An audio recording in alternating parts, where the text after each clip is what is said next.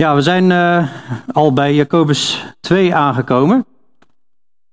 Nou, vorige keer hebben we even een, een overview bekeken. Ik heb ik al twee keer uh, doorgelopen, ga ik niet elke keer doen. Maar ik vind dat beeld wel heel mooi om nog even te noemen van, ja, dat, bij Jacobus lijkt het heel erg op gewoon van, um, nou ja, in een boot moet geen water zijn. De, een boot moet in het water zijn en zo moet ook de gemeente in de wereld zijn en de wereld moet niet in de gemeente zijn. De wereld moet niet in ons zijn, dus dat, dat moet eruit. Dus wij, ja, Jacobus is hier een hele sterke brief in om de wereld uit ons leven uh, te bannen. Of in ieder geval, hij geeft onderwijs um, over hoe en wat. En vervolgens moeten wij natuurlijk, daar hebben we het vorige keer over gehad, wees daders van het woord en niet alleen hoorders. Anders bedriegen we onszelf. Nou, vandaag uh, is een interessant onderwerp. We behandelen Jacobus 2 en dan vanaf vers uh, 1 tot en met 13. Momentje. En uh, nou, hier in de HSV staat geen aanzien des persoons. Ik heb even de titel genoemd: Geen vriendjespolitiek in de kerk. Geen voortrekkerij. Of, uh, nou, zoals dit plaatje zegt, geen. In het Engels heb je favor, favoritism. Geen uh, favorieten of voorkeuren in de kerk. En dan doel, gaat hij me namelijk even een voorbeeld aanhalen. Bijvoorbeeld, wat als er een rijke of een arme binnenkomt. Goed, we zien uh, bij het eerste punt, geloof in Jezus is ook actie. De armen zijn de rijken bij God, dat is het tweede punt. We komen bij wat echt de kern van de schrift is. En uh, ook weer, eigenlijk net als zondag, een oproep tot een, een besef dat we voor Gods troon komen, zeg maar. Um, nou, laten we het gewoon uh, lezen. Jacobus 2, vers 1 tot en met 13. Mijn broeders, heb het geloof in onze Heer Jezus Christus, de Heere der heerlijkheid, zonder aanzien des persoons. Want als in uw samenkomst een man zou binnenkomen met een gouden ring aan zijn vinger, in sierlijke kleding, en er kwam ook een arme man in haveloze kleding, dat is een beetje kapotte oude kleding, en u zou hoog opzien tegen hem die de sierlijke kleding draagt en tegen hem zeggen, gaat u hier zitten op een mooie plaats. En u zou tegen de armen zeggen, nou gaat u daar maar staan. Of ga hier zitten bij mijn voetbank. Hebt u dan niet onder elkaar een onderscheid gemaakt? En bent u zo geen rechters geworden met verkeerde overwegingen? Luister, mijn geliefde broeders. Heeft God de armen van deze wereld niet uitverkoren om rijk te zijn in het geloof en erfgenamen te, de, te zijn van het koninkrijk dat hij beloofd heeft aan hen die hem liefhebben? U daarentegen, u hebt daarentegen, sorry, de armen schandelijk behandeld. Zijn er niet de rijken die u overweldigen en slepen juist zij u niet naar de rechtbank? Lasteren zij niet de goede naam die over u is aangeroepen? Als u echter de koninklijke wet volbrengt, volgens de schrift, u zult uw naaste liefhebben als uzelf, dan handelt u goed. Maar als u met aanzien des persoons handelt, begaat u een zonde en wordt u door de wet ontmaskerd als overtreders. Want wie de hele wet in acht neemt, maar op één punt struikelt, die is schuldig geworden aan alle geboden. Immers, hij die gezegd heeft, u zult geen overspel plegen, heeft ook gezegd, u zult niet doodslaan. Als u dan geen overspel bedrijft, maar wel doodslaat, bent u toch een wetsovertreder geworden. Of wat voor iets maar doet natuurlijk. Spreek zo en handel zo als mensen die geoordeeld zullen worden door de wet van de vrijheid. Want onbarmhartig zal het oordeel zijn over hem die geen barmhartigheid heeft bewezen. En de barmhartigheid triomfeert over het oordeel. Nou, dan moet ik wel zeggen dat ik blij ben dat ik niet het idee heb dat dit voorkomt in de gemeente bij, bij ons. Dat we mensen aan het voortrekken zijn, arm of rijk. Maar alsnog is het gewoon een hele goede waarschuwing. Of ja, goede waarschuwing. Sowieso elke pagina van Gods is goed. En uh, iets wat, waar we echt op uh, moeten letten. Maar ja, ik wil het op sommige plekken ook nog wel wat breder trekken. De aanzien des persoons breder dan alleen een rijke of een arme, zeg maar. Mijn broeders, zegt hij in vers 1, heb het geloof in onze Heer Jezus Christus. De Heere der heerlijkheid, zonder aanzien des persoons. Nou, dit is meteen al een hele interessante zin, want hij roept op, heb het geloof in onze Heer Jezus Christus. En dan zou je uh, verwachten, punt. Maar dan eh, hoort daarbij zonder aanzien des persoons. de Heere der Heerlijkheid zegt hij nog, maar zonder aanzien des persoons. Dus eigenlijk zegt hij hiermee direct al dat het geloof in onze Heer Jezus Christus direct eigenlijk vraagt om actie en gekoppeld is aan actie. Dat kun je eigenlijk niet loszien van elkaar. En dan gaat hij eigenlijk in het stuk tot waar ik heb gelezen, vanaf uh, vers 14, gaat hij daar eigenlijk straks over uh, verder, over wat een echt geloof is. Een echt geloof is een geloof wat in actie komt. Een geloof hè, wat uh, liefde uitdraagt. Want hij zegt in vers 14, wat voor nut heeft het mijn broeders als iemand zegt dat hij geloof heeft en hij heeft geen werken? Kan dat geloof hem zalig maken? Hij heeft het over een doodgeloof. Maar goed, daar komen we nog volgende keer op. Maar hij noemt het hier al wel. En dat is dus heel interessant. Want um, ja, je ziet eigenlijk in uh, nou, de Romeinenbrief, we zijn er nog niet bij aangekomen, maar voor de oplettende lezer hebben we in Romeinen 1 eigenlijk al direct gezien dat Paulus spreekt over het uh, evangelie, hè, wat bedoeld is om te brengen tot geloofsgehoorzaamheid. En in Romeinen 15 gaan we dat ook zien. Dan zegt Paulus, ik durf het niet aan iets te zeggen wat Christus niet door mij teweeggebracht heeft, om de heidenen tot gehoorzaamheid te brengen, in woord en daad. En dan zegt hij in hoofdstuk 16 ook nog dat hem nu, die in staat is u vast te doen staan, overeenkomstig mijn evangelie en de prediking van Jezus Christus, overeenkomstig de openbaring van het geheimenis dat door de tijden der eeuwen heen verzwegen was, maar dat nu geopenbaard is en door de profetische schriften onder alle heidenen bekendgemaakt is, overeenkomstig het bevel van de eeuwige God om hen, de heidenen, tot geloofsgehoorzaamheid te brengen. Aan hem, de alleenwijze God, zij door Jezus Christus de heerlijkheid tot in alle eeuwigheid. Amen. zo gaat Paulus eigenlijk de Romeinenbrief uit. En dan zie je dus dat het evangelie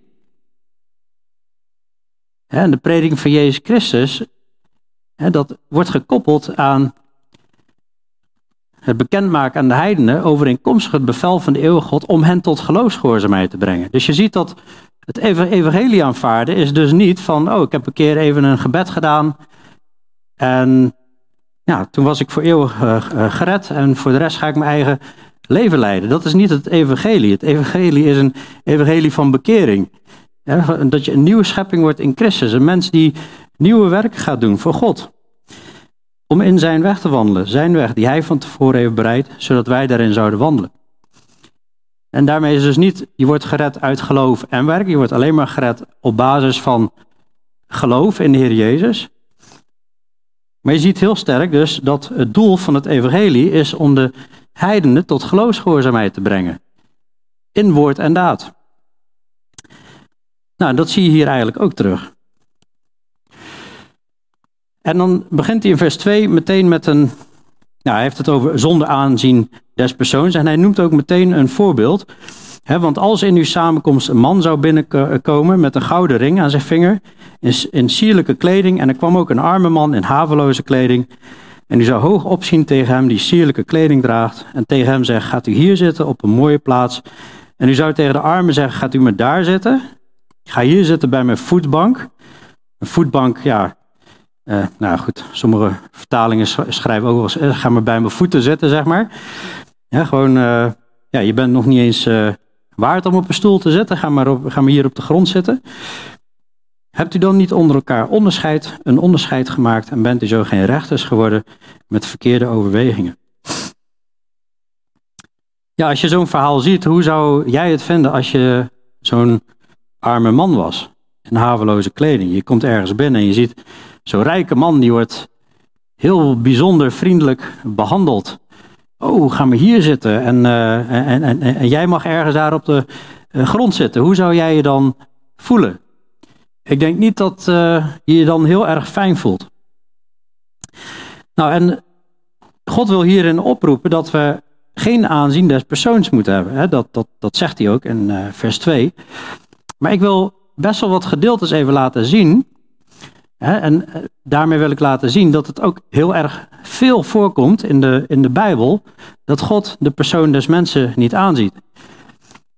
En dus als er, uh, nou hier heb je mensen die gaan naar de voetbal, voedselbank. Hier heb je een, nou, volgens Google een van de rijkste voetballers van Nederland, als ik het goed heb. Ik heb er geen verstand van, maar anders is het Google, Google schuld. Maar um, nou, hier uh, iemand, dat lijkt op een zwerver. En dit zou dan uh, volgens Google een, een directeur van een bank moeten zijn in Amerika. Nou goed, hoe gaan we daarmee om als we die tegenkomen? Of als die allemaal hier binnen zouden komen? Zouden we die anders behandelen? In Matthäus 22, vers 16 zien we al, en daar sturen eigenlijk de fariseeën, schriftgeleerde discipelen naar Jezus toe met de Herodianen en zeiden, Meester, wij weten dat u waarachtig bent en de weg van God in waarheid onderwijst. En zich door niemand laat beïnvloeden, want u ziet de persoon van de mensen niet aan. Jezus had een getuigenis dat hij de persoon van de mensen niet aanzag. En hoe weten we dat? Omdat hij ging niet zoals heel veel Joden op een manier met die fariseeën om en die rabbies zo van, oh, ik zet ze op een voetstuk. Nee, hij was gewoon eerlijk tegen iedereen. Legde hij gewoon de waarheid uit. Wat gezegd moest worden, moest gewoon gezegd worden. En hij had geen. Uh, ja, hij deed niet aan voortrekkerij, zeg maar. Maar het was al in het, in het Oude Testament. Dat we ook al zagen toen Samuel de nieuwe koning moest kiezen na Saul. Uh, het gebeurde toen zij kwamen dat hij Eliab zag. Dat was een broer van David, zoon van Isaï. En hij dacht, deze is vast en zeker voor de Heere zijn gezalfde. Dat was een grote man. Maar de Heere zei tegen Samuel, kijk niet naar zijn uiterlijk en ook niet naar de hoogte van zijn gestalte, want ik heb hem verworpen. Het is namelijk niet wat de mens ziet, want de mens ziet aan wat voor ogen is, maar de Heere ziet het hart aan. Ook Isaï, die vader, die had niet eens David erbij gehaald als een van de zonen. Misschien was hij nog heel jong, of misschien had hij niet een heel indrukwekkend postuur, David, dat weten we niet. Maar in ieder geval, dit is wat God zegt. De Heere ziet het hart aan en niet wat voor ogen is. Ook in Matthäus 19, dan zie je dus dat er een rijke man naar Jezus toe komt. En die zei, er kwam iemand naar hem toe en die zei tegen hem, Goede meester, wat voor goeds moet ik doen om het eeuwig leven te hebben? Nou goed, dan komt er een heel verhaal. Ik denk dat de meesten het wel kennen, maar en uiteindelijk zegt Jezus tegen die, die rijke man, als u vermaakt wil zijn, ga dan heen, verkoop wat u hebt, geef het aan de armen en u zult een schat hebben in de hemel. En kom dan en volg mij. Hij maakt helemaal geen uitzondering voor die rijken, geen shortcut van, nou jij bent zo rijk, jij, voor jou, jij hebt zo'n status, voor, voor jou zal ik een uitzondering maken. En Jezus behandelt iedereen gewoon gelijk. En wat ik een van de mooiste verhalen, volgens mij zeg ik dit elke week, een van de, wat ik een van de mooiste verhalen vind. Maar ook dit is een heel mooi verhaal in de Bijbel. Dat Jezus in de, in de tempel zit, tegenover de schatkist. En hij ziet hoe de menigte geld in de schatkist werpt. En veel rijken wierpen er veel in. En er kwam één arme weduwe, die er twee kleine munten in wierp. Dat is een kwadrans. En toen hij zijn discipelen bij zich geroepen had, zei hij tegen hen, Voorwaar, ik zeg u dat deze arme weduwe er meer ingeworpen heeft dan allen die iets in de schatkist geworpen hebben. Want zij alle hebben van hun overvloed erin geworpen. Maar deze heeft van haar armoede alles wat zij had erin geworpen. Heel haar levensonderhoud. Ze was arm, dit was haar levensonderhoud. En ze gooit dat erin. En Jezus, het staat er niet bij, maar hij, hij prijst haar eigenlijk hè, om wat zij doet. Geweldig wat zij doet. Zij heeft vertrouwen. Ze had ook kunnen zeggen: Ja, dit is mijn laatste cent. Die moet ik echt goed bewaren. Want uh, ja, ik moet echt eten. Maar zij vertrouwde op God. En moet je kijken hoe, hoe Jezus spreekt over zo'n hele arme vrouw. Die die twee centen geeft. En dat vind ik heel mooi. Hoe Jezus dus kijkt naar zo'n arme weduwe. Naar arme mensen. Totaal anders dan wij misschien zouden kijken. Die anderen hadden vanuit hun welvaart in de schatkist geworpen. Ik sta ook altijd versteld als ik weer door het Nieuwe Testament ga over een tekst als deze. Wanneer u een feestmaaltijd gereed maakt, nodig dan armen, verminkte, kreupelen en blinden uit. En u zult zalig zijn, omdat zij niets hebben om u te vergelden. Want het zal u vergolden worden in de opstanding van de rechtvaardigen. Nou, ik ben er zelf ook wel schuldig aan dat ik vaak als verjaardag heb. Oh, dan wil je die weer zien, die weer zien. Nou goed, laatste coronatijd niet zo, maar in ieder geval. Uh, en, en moet ik toch vaak weer aan deze denken. Denk, ja, Jezus die zegt echt gewoon. Ja, nodig ook gewoon mensen uit die je eigenlijk niks terug kunnen geven, zeg maar. Hij kijkt zo anders tegen armen aan of mensen met een, een beperking of wat dan ook. Mensen die verkiest ook niet elitaire mensen, maar hij verkiest gewoon eenvoudige vissers, arbeiders. Jezus koos ook een, een tollenaar, Matthäus. Die was dan waarschijnlijk, tollenaars waren wel rijk, alleen die werden ook uitgekotst door de Joden. Sorry dat ik het zo zeg, maar ja, dat was echt gewoon, dat waren de overlopers naar de Romeinen en die eisten dan ook nog van de Joden geld. dus uh, die werden als verwerpelijk gezien. Maar Jezus sprak ook tot verbazing van velen, tot de Samaritaanse vrouw. En Jezus maakte helemaal niet dat onderscheid tussen mensen. Hij zag de persoon niet aan. Zonder aanzien des persoons benaderde Jezus de mensen. En Jezus leerde natuurlijk wie onze naast is. Het verhaal van de barmhartige Samaritaan. Waar je de leviet had en een priester, die zo'n Samaritaan waar je niet mee omging, die lieten die, lieten die liggen, die in elkaar geslagen man. En het was juist de Samaritaan die die man dan ging helpen. Maar uiteindelijk als we naar Jezus zelf kijken, Jezus is zelf ook compleet, compleet veracht geweest. Dat zien we in Jezaja 53. Wie heeft onze prediking geloofd en aan wie is de arm van de Heer geopenbaard? Hij is als een lood opgeschoten voor zijn aangezicht, als een wortel uit dorre aarde. Gestalte of glorie had hij niet. Als wij hem aanzagen, was er geen gedaante dat wij hem begeerd zouden hebben. Hij was veracht, de onwaardigste onder de mensen, een man van smarten, bekend met ziekte en als iemand voor wie men het gezicht verbergt. Hij was veracht en wij hebben hem niet geacht. Er is een tijd geweest dat Jezus eigenlijk zo gezien werd, als verwerpelijk, als iemand voor wie je het gezicht verbergt. En dus als God hier spreekt als ja, dit is Gods woord. En Jezus is onze hoge priester. Hij is in alles verzocht, net als wij, maar zonder zonde. Hij heeft het ook meegemaakt. En hij roept eigenlijk op, zo'n onderscheid naar mensen, moeten we echt niet maken. Nou, je ziet het overal. Ik haal, ik, ik haal bewust even wat gedeeltes aan, omdat je het overal ziet. Slaven, hoe moeten ze hun heren dienen? Niet met ogendienst als mensenbehagers, maar als slaven van Christus. Dit hebben we in die preek eerder ook uitgelegd als dit kun je ook zien als werkgever-werknemerverhouding. Doe zo van harte de wil van God. Dien met bereidwilligheid de Heer en niet mensen. U weet toch dat ook uw Heer in de hemel is. Uh, dit is dan aan de Heer gericht. Doe hetzelfde bij hen, laat het dreigen achterwege. U weet toch dat ook uw Heer in de hemel is en dat er bij hem geen aanzien des persoons is. dus er is wel een rolverhouding, maar tegelijkertijd ja, moeten ze gewoon respectvol met elkaar omgaan. En Jezus zegt heel duidelijk: oordeel niet naar wat voor ogen is, maar fel een rechtvaardig oordeel. Je weet soms gewoon niet wat er aan de hand is. En deze werd nog op de app gepost vandaag. Alles wat u doet, doe dat van harte als voor de Heer en niet voor mensen. In de wetenschap dat u van de Heer als vergelding, als vergelding de erfenis zult ontvangen, want u dient de Heere Christus. Ook in 1 Koningen 8 vers 10 is goed om bij stil te staan. Daar zie je op een gegeven moment dat de heerlijkheid van de Heer in de tempel komt. Het gebeurde de priesters uit het heiligdom gingen dat de wolk het huis van de Heer vervulde. Vanwege de wolk konden de priesters niet blijven staan om dienst te doen, want de heerlijkheid van de Heer had het huis van de Heer vervuld. Nou, waarom haal ik dit aan? Omdat het ook goed is om te beseffen waar is Gods tempel nu op dit moment? Nou, dat legt 1 Korinthe 3 vers 16 uit. En wij zijn Gods tempel. Weet u niet dat u Gods tempel bent en dat de geest van God in u woont? woont? Als iemand de tempel van God te gronden richt, zal God hem te gronden richten. Want de tempel van God is heilig. En deze tempel bent u.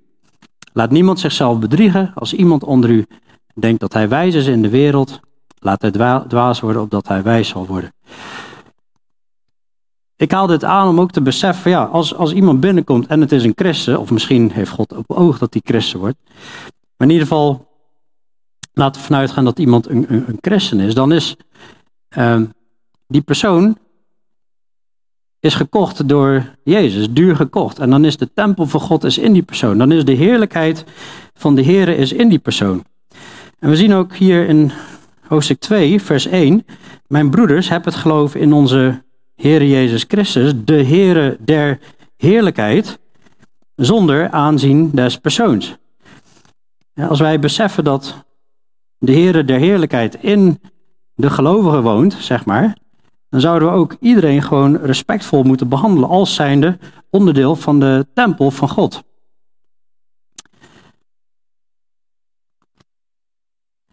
Ik wil het eigenlijk ook nog wel eens iets verder trekken. Hè, van, hier wordt een specifiek voorbeeld genoemd van wat als er in de samenkomst iemand zou binnenkomen. Maar ja, zou het wel oké zijn dat we dat in de samenkomst niet doen, maar op je werk ga je het vervolgens wel doen? Kijk ik neer op een collega met een lagere functie of kijk ik op tegen mijn baas en behandel die eigenlijk als die rijke man, terwijl ik mijn andere collega anders zou behandelen? Of die medeleerling, die zie ik niet zo zitten, die stinkt. Of uh, die zwerver op straat, nou die zal het er wel zelf naar gemaakt hebben. Oh, mijn baas komt langs, nu moet ik even hard aan het werk om goede indruk te maken. Of mijn persoonlijke ervaring gisteren met een politieke partij, die heb ik er even bij gezet. Um, ik ontdekte, nou, herontdekte de politieke partij Jezus leeft en ik zat eigenlijk naar een standpunt te kijken. Ik dacht, nou, daar ben ik het eigenlijk best wel mee eens. Ze zijn eigenlijk best wel radicaal op geestelijk vlak. Maar ja, als je die lijsttrekkers ziet, zeg maar, dat zijn wat andere politici dan uh, Rutte en uh, Hugo de Jonge, zeg maar. En die, uh, de ene staat op klompen en ze hebben van die baarden en gewoon uh, truien aan. En het zijn gewoon ja, de arbeiders. Dat een Petrus kunnen zijn, hè? de visser, zeg maar. Maar ja, goed, ik ging naar filmpjes kijken en ik zag die introducties en dan zag ik die liedjes en dan dacht ja, oké, ja, de presentatie die is wel... Uh, hmm. En ik begon eigenlijk een beetje dus hun te beoordelen op hun presentatie in plaats van te kijken naar de persoon en wat hebben ze echt te zeggen. Dat gaat zo ontzettend snel. Maar gelukkig was ik met Jacobus 2 bezig, dus ik werd gelijk keihard geconfronteerd. dat is zo mooi als woord. Dat houdt ons scherp. En dacht, ja, zo moet ik niet naar mensen kijken. Ik moet gewoon kijken naar wat hebben zij eigenlijk te zeggen. En die zaten gewoon heerlijk over de Bijbel te vertellen en zo. Ja, goed, misschien verschil ik wel dan van standpunt qua de Sabbat. Maar ze willen wel in ieder geval het moreel van God, het, eh, het moraal van God willen ze op een hoog voetstuk zetten. En uh, ja, zo betrapte ik mijzelf erop van, ja, ik moet ook, naar wie ik ook kijk of waar ik ook kom, moet ik gewoon um, zonder aanzien des persoons handelen. Maar als vriendjespolitiek, laten we het zo noemen, hè, want ja, wat zou het doel zijn? Gaat u hier zitten op een mooie plaats en u zou tegen de armen zeggen, gaat u maar daar staan? Dat, dat kan zijn vanuit een motivatie van, oh, oh ja, ja, misschien is het wel een baas van een, een, een keuken... Uh, ja, een keukenverkoopbedrijf of wat dan ook. En ik moet binnenkort nog een keuken hebben. Ja, ik moet hem even goed. Uh, ik noem maar iets, hè? Of, uh, nou, in ieder geval. Als dat ook nog eens in de kerk gebeurt, dat is wel echt erg. In de kerk zien we door de hele Bijbel heen, er is geen verschil meer tussen Jood, Griek, rijk, arm, gehandicapt of gezond, slim, minder slim, knap of minder knap, cool of nerd. Of God kijkt naar het hart. En zo moeten wij ook met elkaar omgaan, niet met aanzien des persoons. Het hele idee in de wereld van dat er status is, zeg maar, in het koninkrijk van God, hoort dat er gewoon niet meer te zijn. De meeste is degene die zich zo nederig mogelijk opstelt. Of die de ander dient. Dan gaan we verder naar vers 5 tot 7. Luister. En daar wil ik meteen al even stoppen. Want op het moment dat we nu zien een oproep om te luisteren, dan zouden we eigenlijk direct herinnerd moeten worden aan de studie van vorige week. Want daar heeft hij in vers 19 gezegd: Zo dan, mijn geliefde broeders, ieder mens moet haastig zijn om te horen, traag om te spreken en traag tot toorn. Dus op het moment dat hij oproept om te luisteren, dan moeten we haastig zijn om te horen. Zo moet ons hart direct wagenwijd open gaan.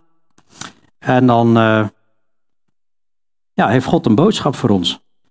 Zegt hij, mijn geliefde broeders, heeft God de armen van deze wereld niet uitverkoren om rijk te zijn in het geloof en erfgenamen te zijn van het koninkrijk dat hij beloofd heeft aan hen die hem liefhebben? Dus heeft God de armen van deze wereld niet uitverkoren om rijk te zijn in geloof en erfgenaam te zijn van het koninkrijk dat hij beloofd heeft aan hen die hem liefhebben. Dus hier staat gewoon dat God wel een speciaal oog heeft voor de, uh, voor de armen. zodat ze rijk kunnen zijn in het geloof, een erfgenaam kunnen zijn in het koninkrijk dat hij heeft beloofd heeft aan hen die hem liefhebben. In 1 Samuel 2 vers 7 daar staat dat de Heere maakt arm en maakt rijk. Hij vernedert ook, verhoogt hij. Hij verheft de geringen uit het stof. Uit het vel verhoogt hij de armen om hen bij edelen te doen zitten. Om hen een erezetel te laten verkrijgen. Want de grondvesten van de aarde zijn van de Heere en hij heeft de wereld daarop geplaatst. Dus hij bepaalt wat er gebeurt en hij kan de geringen uit het stof omhoog helpen en de armen bij edelen doen zitten.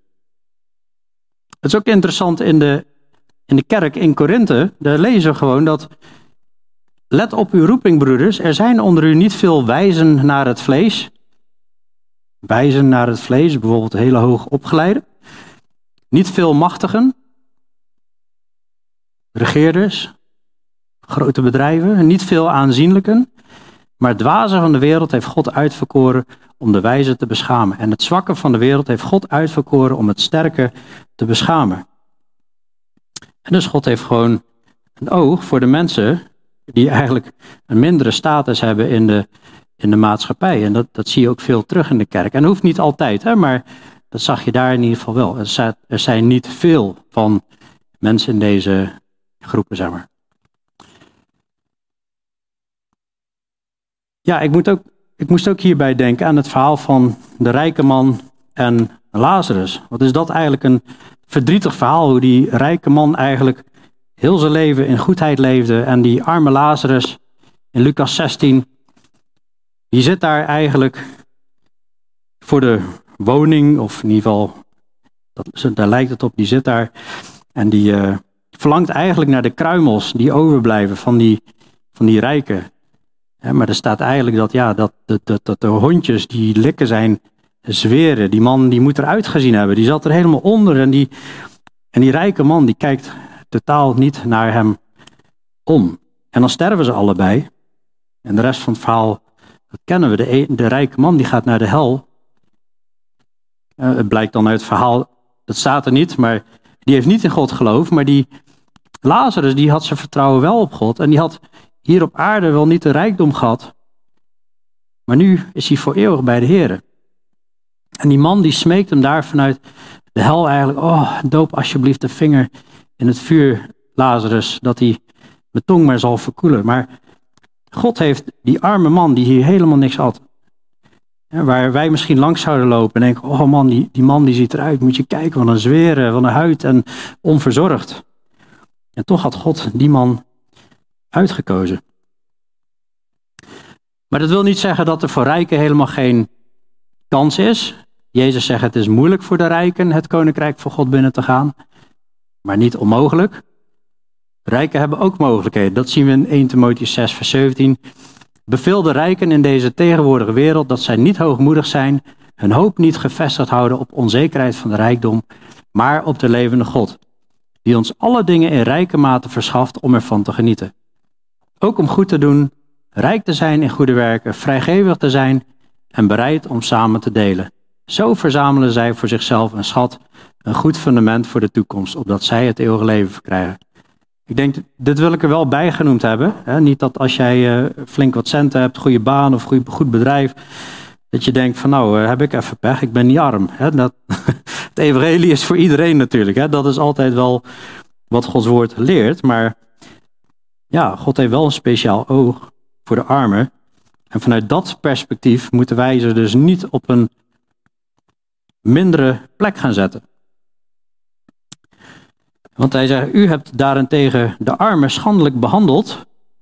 Blijkbaar was er iets gebeurd onder de Joden of waren er verhalen bekend. Hij schrijft aan de Joodse christenen, in het begin, uh, Jacobus 1 vers 1 hebben we dat gezien.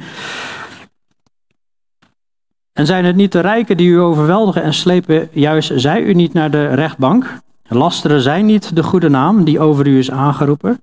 En dan gaan jullie hun op een voetstuk zetten in plaats van degene die God heeft uitverkoren, die gaan jullie minder behandelen. Ja, dat hoort natuurlijk niet zo te zijn. Hè? Dus dit is wel een uh, serieuze, stevige waarschuwing. Waarbij hij eigenlijk in vers 8 tot en met 11, eh, en vooral in vers 8, tot de kern van de schrift komt. Als u echter de koninklijke wet volbrengt, volgens de schrift, u zult uw naaste liefhebben als uzelf, dan handelt u goed. Maar als u met aanzien des persoon handelt, begaat u een zonde. Het is wel echt serieus om te beseffen dat als wij wel zo handelen in aanzien des persoon, begaan we een zonde. En, en, en wordt u door de wet ontmaskerd als overtreders. Want wie de hele wet in acht neemt, maar op één punt struikelt, die is schuldig geworden aan alle geboden. Immers hij die gezegd heeft, u zult geen overspel plegen, heeft ook gezegd, u zult niet doodslaan. En als u dan geen overspel bedrijft, maar wel doodslaat, bent u toch een wetsovertreder geworden. Dus hij heeft het ineens over zonde en hij zet zo'n zonde van iemand behandelen met aanzien als persoon, zet hij op het niveau van overspel en moord. Dus dat is wel heel serieus. Maar als u de koninklijke wet volbrengt, vers 8, volgens de schrift, u zult uw naaste lief hebben als uzelf, dan handelt u goed. Ik kwam in de studievoorbereiding kwam ik een mooie tekst tegen, die is van D.L. Moody. En die zei, elke Bijbel zou eigenlijk ingebonden moeten zijn in het leer van de schoenen. dat vond ik wel mooi. Hij bedoelt, hij bedoelt daarmee, Gods woord zou zo in ons hart moeten leven, en dat het gewoon in de praktijk continu gezien wordt. Dat we eigenlijk wandelende Bijbels zijn. Dat we, dit is wat de wet, waar de wet eigenlijk toe oproept. Als u de koninklijke wet volbrengt, volgens de schrift, u zult uw naaste liefhebben als uzelf, dan handelt u goed. Dat is eigenlijk de hele boodschap van de Bijbel, de hele boodschap van het Oude Testament. En dat komt uit die, die, die tekst hier, en de, de tweede helft van vers 8. U zult uw naaste liefhebben als uzelf. Die komt uit Leviticus. Daar staat, u mag geen wraak nemen of een wrok koesteren tegen uw volksgenoten, maar u moet uw naaste liefhebben als uzelf. Ik ben de Heere, staat er daarbij. Het is echt persoonlijk de Heere die zegt, u moet uw naaste liefhebben als uzelf. Nou, die tekst wordt wel eens aangevallen. Ja, maar hoe zit het dan uh, met al die moorden toen uh, bij de landinname van Canaan? Dat was een oordeel van God. Daar werd toe opgeroepen. En dat het zwaar door het land moest gaan, want het waren ernstige afgodendienaars en die offerden aan baby's. En het was een gerechtvaardige, te rechtvaardige strijd. Maar toen ze in het land waren, en dat geldt natuurlijk deze opdracht: U zult uw naaste liefhebben als jezelf. Dus de koninklijke wet, dat is wel heel mooi. Ik vind het sowieso altijd al, heb ik dit een hele mooie tekst gevonden. Als u de koninklijke wet volbrengt volgens de schrift, u zult uw naaste liefhebben als uzelf, dan handelt u goed. Maar hij noemt dit een koninklijke wet. Deze wet die is gegeven door de koning der koningen. Dit is een bevel voor de burgers van Gods koninkrijk. Om je naaste lief te hebben als jezelf. En Jezus bevestigt, bevestigt hem eigenlijk opnieuw, een nieuw gebod geef ik u, namelijk dat u elkaar lief hebt. Zoals ik u lief gehad heb, moet u ook elkaar lief hebben. Hierdoor zullen alle inzien dat u mijn discipelen bent, als u liefde onder elkaar hebt. Maar hij zegt er wel bij, zoals ik u lief gehad heb. Nou, hoe heeft Jezus de discipelen lief gehad? Tot het einde. Hij heeft alles gegeven voor ze. Dat is echt enorm diepe liefde. En dus, ja, ik heb hier een grappige plaatje van je naaste liefhebben als jezelf. En dat als je een ander ziet en die heeft het daar moeilijk, dat je eigenlijk zou moeten denken van ja, wat als ik daar zou zitten? Dat is je naaste liefhebben als jezelf. Hoe zou ik dan behandeld willen worden? En de koninklijke wet, ja, die zie je overal door het hele Nieuwe Testament natuurlijk. Hè. In 1 Thessalonians 4 vers 9 kwamen we hem tegen. Wat de broederliefde betreft hebt u het niet nodig dat ik u schrijf, want u bent zelf door God onderwezen om elkaar lief te hebben. We hebben hem pas nog gezien in Romeinen 13 vers 10. De liefde doet de naaste geen kwaad. Daarom is de liefde is de vervulling van de wet. God liefhebben, naast liefhebben, dat is wat de wet vervult. Dus dat is de kern van de schrift. Dus het is belangrijk dat we daar continu op letten. Hoe reageer ik? Uh, hoe is mijn hart naar anderen? In alles wat we doen. Hoe spreek ik?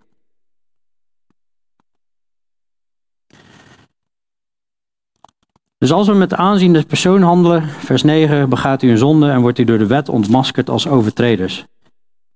Want wie de hele wet in acht neemt, maar op één punt struikelt, die schuldig geworden aan alle geboden. Dat hebben we in Romeinen gezien. Hè? Dan, de hele wereld is doenwaardig. Eén keer gezondigd, dan ben je doenwaardig. Dan ben je een wetsovertreder.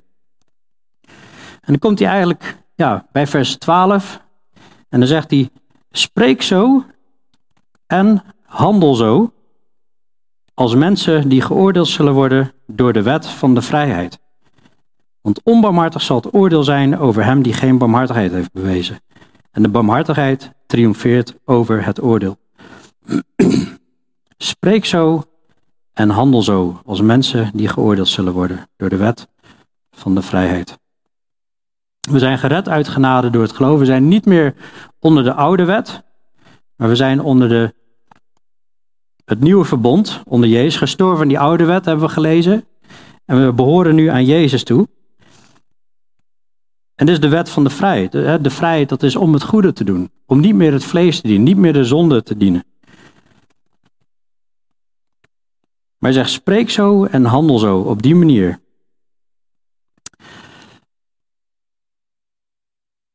Jezus heeft gezegd dat onze, de woorden, de woorden van ieder mens eigenlijk voor het gericht komen. dus voor zijn troon komen. En hier staat spreek zo, dus ik begin met het spreken en dan kijken we zo naar het handelen. Jezus zegt in Matthäus 12, vers 35, de goede mens brengt goede dingen voort uit de goede schat van het hart. En de slechte mens brengt slechte dingen voort uit de slechte schat. Maar ik zeg u dat de mens van elk nutteloos woord dat zij zullen spreken, rekenschap moeten geven op de dag van het oordeel. Want op grond van uw woorden zult u rechtvaardig verklaard worden en op grond van uw woorden zult u veroordeeld worden. Dus alles wat we gesproken hebben, dat komt in het gericht. Nou, hebben we geloofd, hebben we Jezus beleden, hebben we ons niet geschaamd voor Jezus en voor zijn woorden, hebben we dat uitgedragen, hebben we, zijn we liefdevol geweest? Nou, ik geloof wel, hè, het volgende vers zegt, want onbarmhartig zal het oordeel zijn over hem die geen barmhartigheid heeft bewezen en de barmhartigheid triomfeert over het oordeel. We hebben het er wel vaker over gehad, de ongelovigen worden geoordeeld voor de grote witte troon, openbaring 20. Maar de, de gelovigen, dat hebben we eigenlijk zondag nog gezien, die kunnen, zelf zullen ze behouden worden, maar ze kunnen schatten verzamelen of ze kunnen schade lijden. En dus spreek zo en handel zo als mensen die geoordeeld zullen worden door de wet van de vrijheid. Tegelijkertijd zijn er ook mensen, dan zegt Jezus in Matthäus 7, en die zullen wel heren, heren roepen, maar hij zegt, ga weg van mij, werkers van de ongerechtigheid. Dus er, er zijn ook schijngeloven. Daarom is het belangrijk en in de Heer Jezus te geloven en ons te bekeren en hem te volgen. Maar onze woorden komen in het gericht, zegt Jezus. En hier staat spreek zo en handel zo. Ook onze daden komen voor het gericht. Colossense 3, vers 23. Alles wat u doet, doe dat van harte, als voor de Heer en niet voor mensen. In de wetenschap dat u van de Heer als vergelding de erfenis zult ontvangen, want u dient de Heere Christus. Nou goed, oké, je kunt daar ook uh, 2 Korinthe 5 bij halen en Romeinen 14 wat we hebben gezien en 1 Korinthe 3. Maar ook onze hartsgesteldheid komt voor het gericht. We kunnen mooie woorden spreken en mooie daden, maar hoe we in ons hart ook denken en doen. Als je hier kijkt, ja, onbarmhartigheid, dat begint in het hart. Onbarmhartig zal het oordeel zijn over hem die geen barmhartigheid heeft bewezen. En de barmhartigheid triomfeert over het oordeel. En dit is denk ik een overgangstekst ook naar het volgende, hè, dat je ook dood geloof hebt. Hoe kan het bestaan dat als wij beseffen wat het evangelie echt inhoudt, dat wij grote zondaars zijn en dat we een, een God hebben met een enorme heiligheid, die mensen moet oordelen in een enorm groot eeuwig oordeel, een poel van vuur. En we beseffen hoe wij bij het verkeerde eind zitten en dat God ons wil vergeven, dat God ons genade wil zijn, dat God ons barmhartig wil zijn.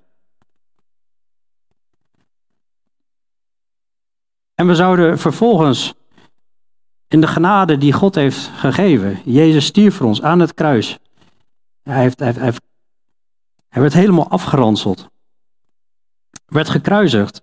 Dat deed hij voor ons om grote barmhartigheid te tonen. En wij zouden dan onbarmhartig zijn naar een andere, genadeloos, onbarmhartig. Onbarmhartig zal het oordeel zijn over hem die geen barmhartigheid heeft bewezen. Wat geloof je dan eigenlijk? En dan is geloof zonder werk is eigenlijk, is eigenlijk dood. Kan zo'n geloof zalig maken. En dat zegt hij in het volgende stuk, komen volgende week op. En de barmhartigheid triomfeert over het oordeel. Jezus zegt ook naar het eh, gebed van, onze van het Onze Vader in Matthäus uh, eh, 6. En dan zegt hij, als wij anderen niet vergeven, vergeeft de Vader ons ook niet. Als we anderen wel vergeven, vergeeft de Vader ons ook wel. En dus je ziet wel voorwaarden voor die genade. We worden gered uit genade door het geloof, maar dan moeten we ons hart ook bekeren naar God. Want als wij deze grote genade beseffen die ons gegeven is en de, ja, de liefde van God wordt uitgestort in onze harten door de Heilige Geest, hoe kunnen we dan nog onbarmhartig zijn? En dus die tekst spreekt zo en handelt zo als mensen die geoordeeld zullen worden door de wet van de vrijheid, dat is wel belangrijk.